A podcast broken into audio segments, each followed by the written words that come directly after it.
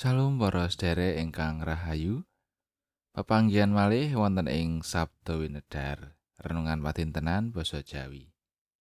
Kados adat sabenipun monggo kita sesarengan maos kitab suci pangandikanipun Gusti lan kita raos-raosaken ing salebeting manah.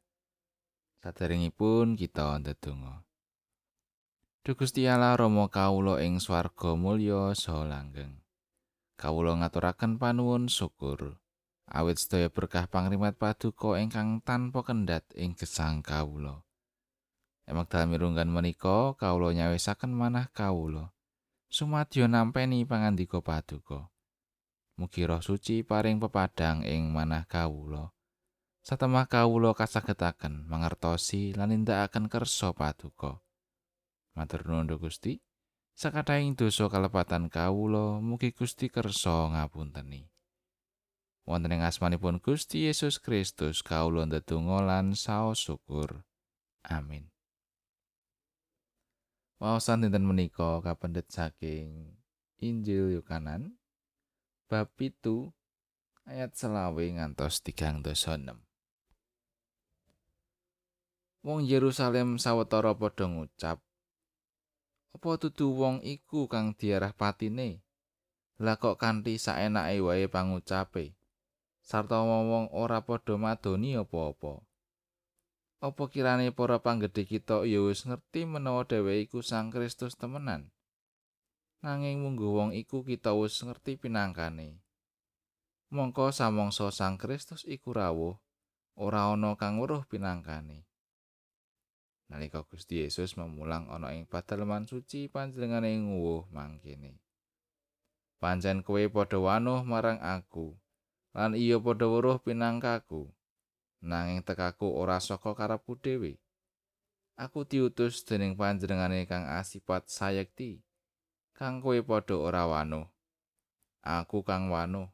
Amarga wijilku saka ing panjenengane. Lan iya iku kang ngutus aku. Ing kono wong mau padha ngarah nyekel Gusti Yesus.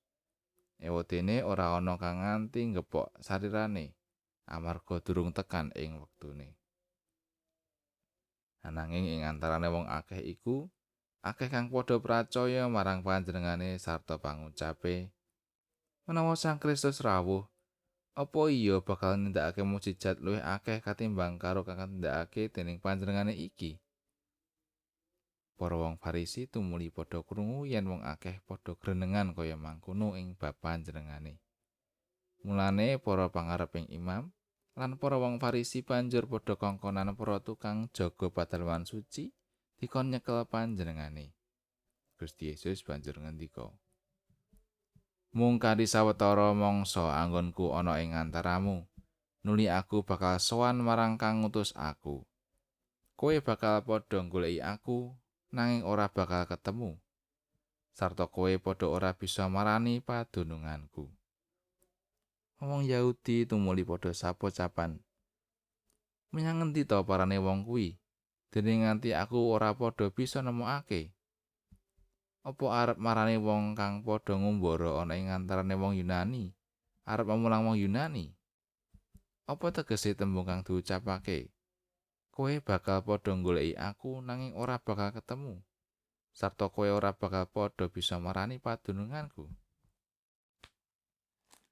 Mangkatan pangandikanipun Gusti ayat na saking ayat songo likur aku kang wano amarga wijilku saka ing panjenengane lan iya iku kang ngutus aku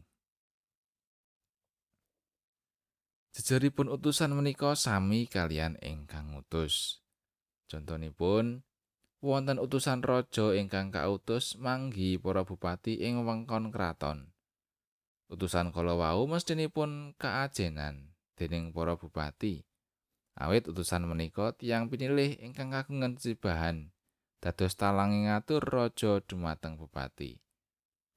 Menapa ingkang dados dawuh sang raja badhe dipun aturaken dening utusan? Menapa wontenipun?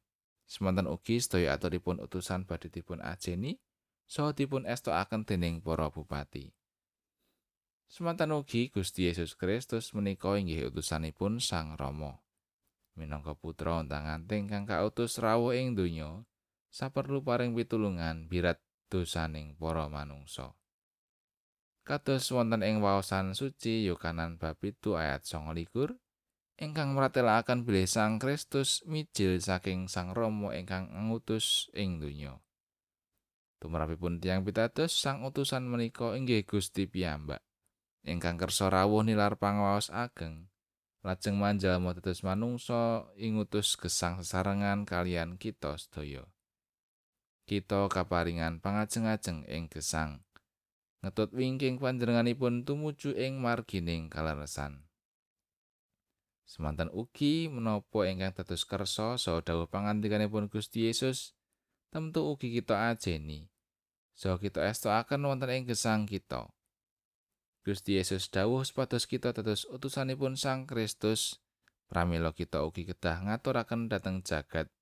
Menapa wontenipun ingkang dados kersanipun Gusti Yesus tumrap kawulujenganipun manungsa ing jagat. Nyebar winih kabingan lan pangajeng-ajeng bilih Sang Kristus kersa makarya mbiradosaning manungsa. Sang Kristus sampun jangkepi pakaryanipun minangka utusanipun Sang Rama menapa kita purun ngajengaken pakaryanipun Sang Kristus minangka para utusanipun ingkang setya. Amin.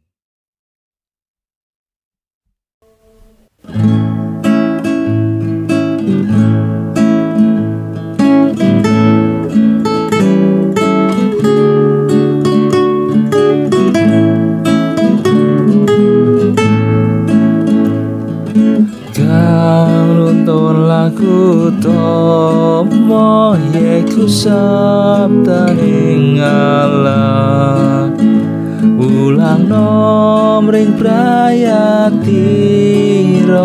tan gendat saben waya Yo undang no sabdeng Allah Baparing siramatnyo ring sagung ing pratumita amrih tentrem raharjo